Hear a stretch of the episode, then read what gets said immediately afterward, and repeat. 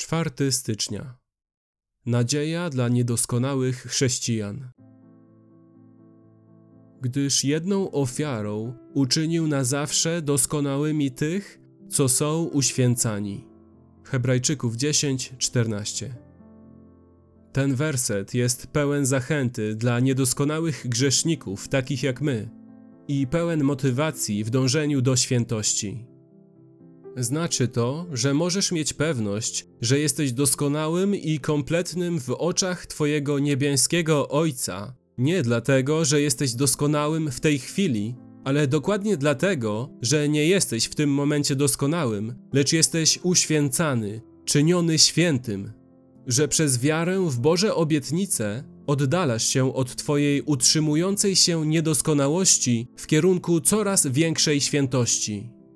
O to chodzi w liście do Hebrajczyków 10:14. Czy Twoja wiara zachęca Cię do porzucenia grzechu i robienia postępów w świętości? To jest ten rodzaj wiary, który pośrodku niedoskonałości może spojrzeć na Chrystusa i powiedzieć: Uczyniłeś mnie już doskonałym w Twoich oczach. Ta wiara mówi: Chryste, dzisiaj zgrzeszyłem, ale nienawidzę mego grzechu gdyż Ty wypisałeś prawo w sercu moim i pragnę je pełnić. I powodujesz we mnie to, co jest miłe w Twoich oczach.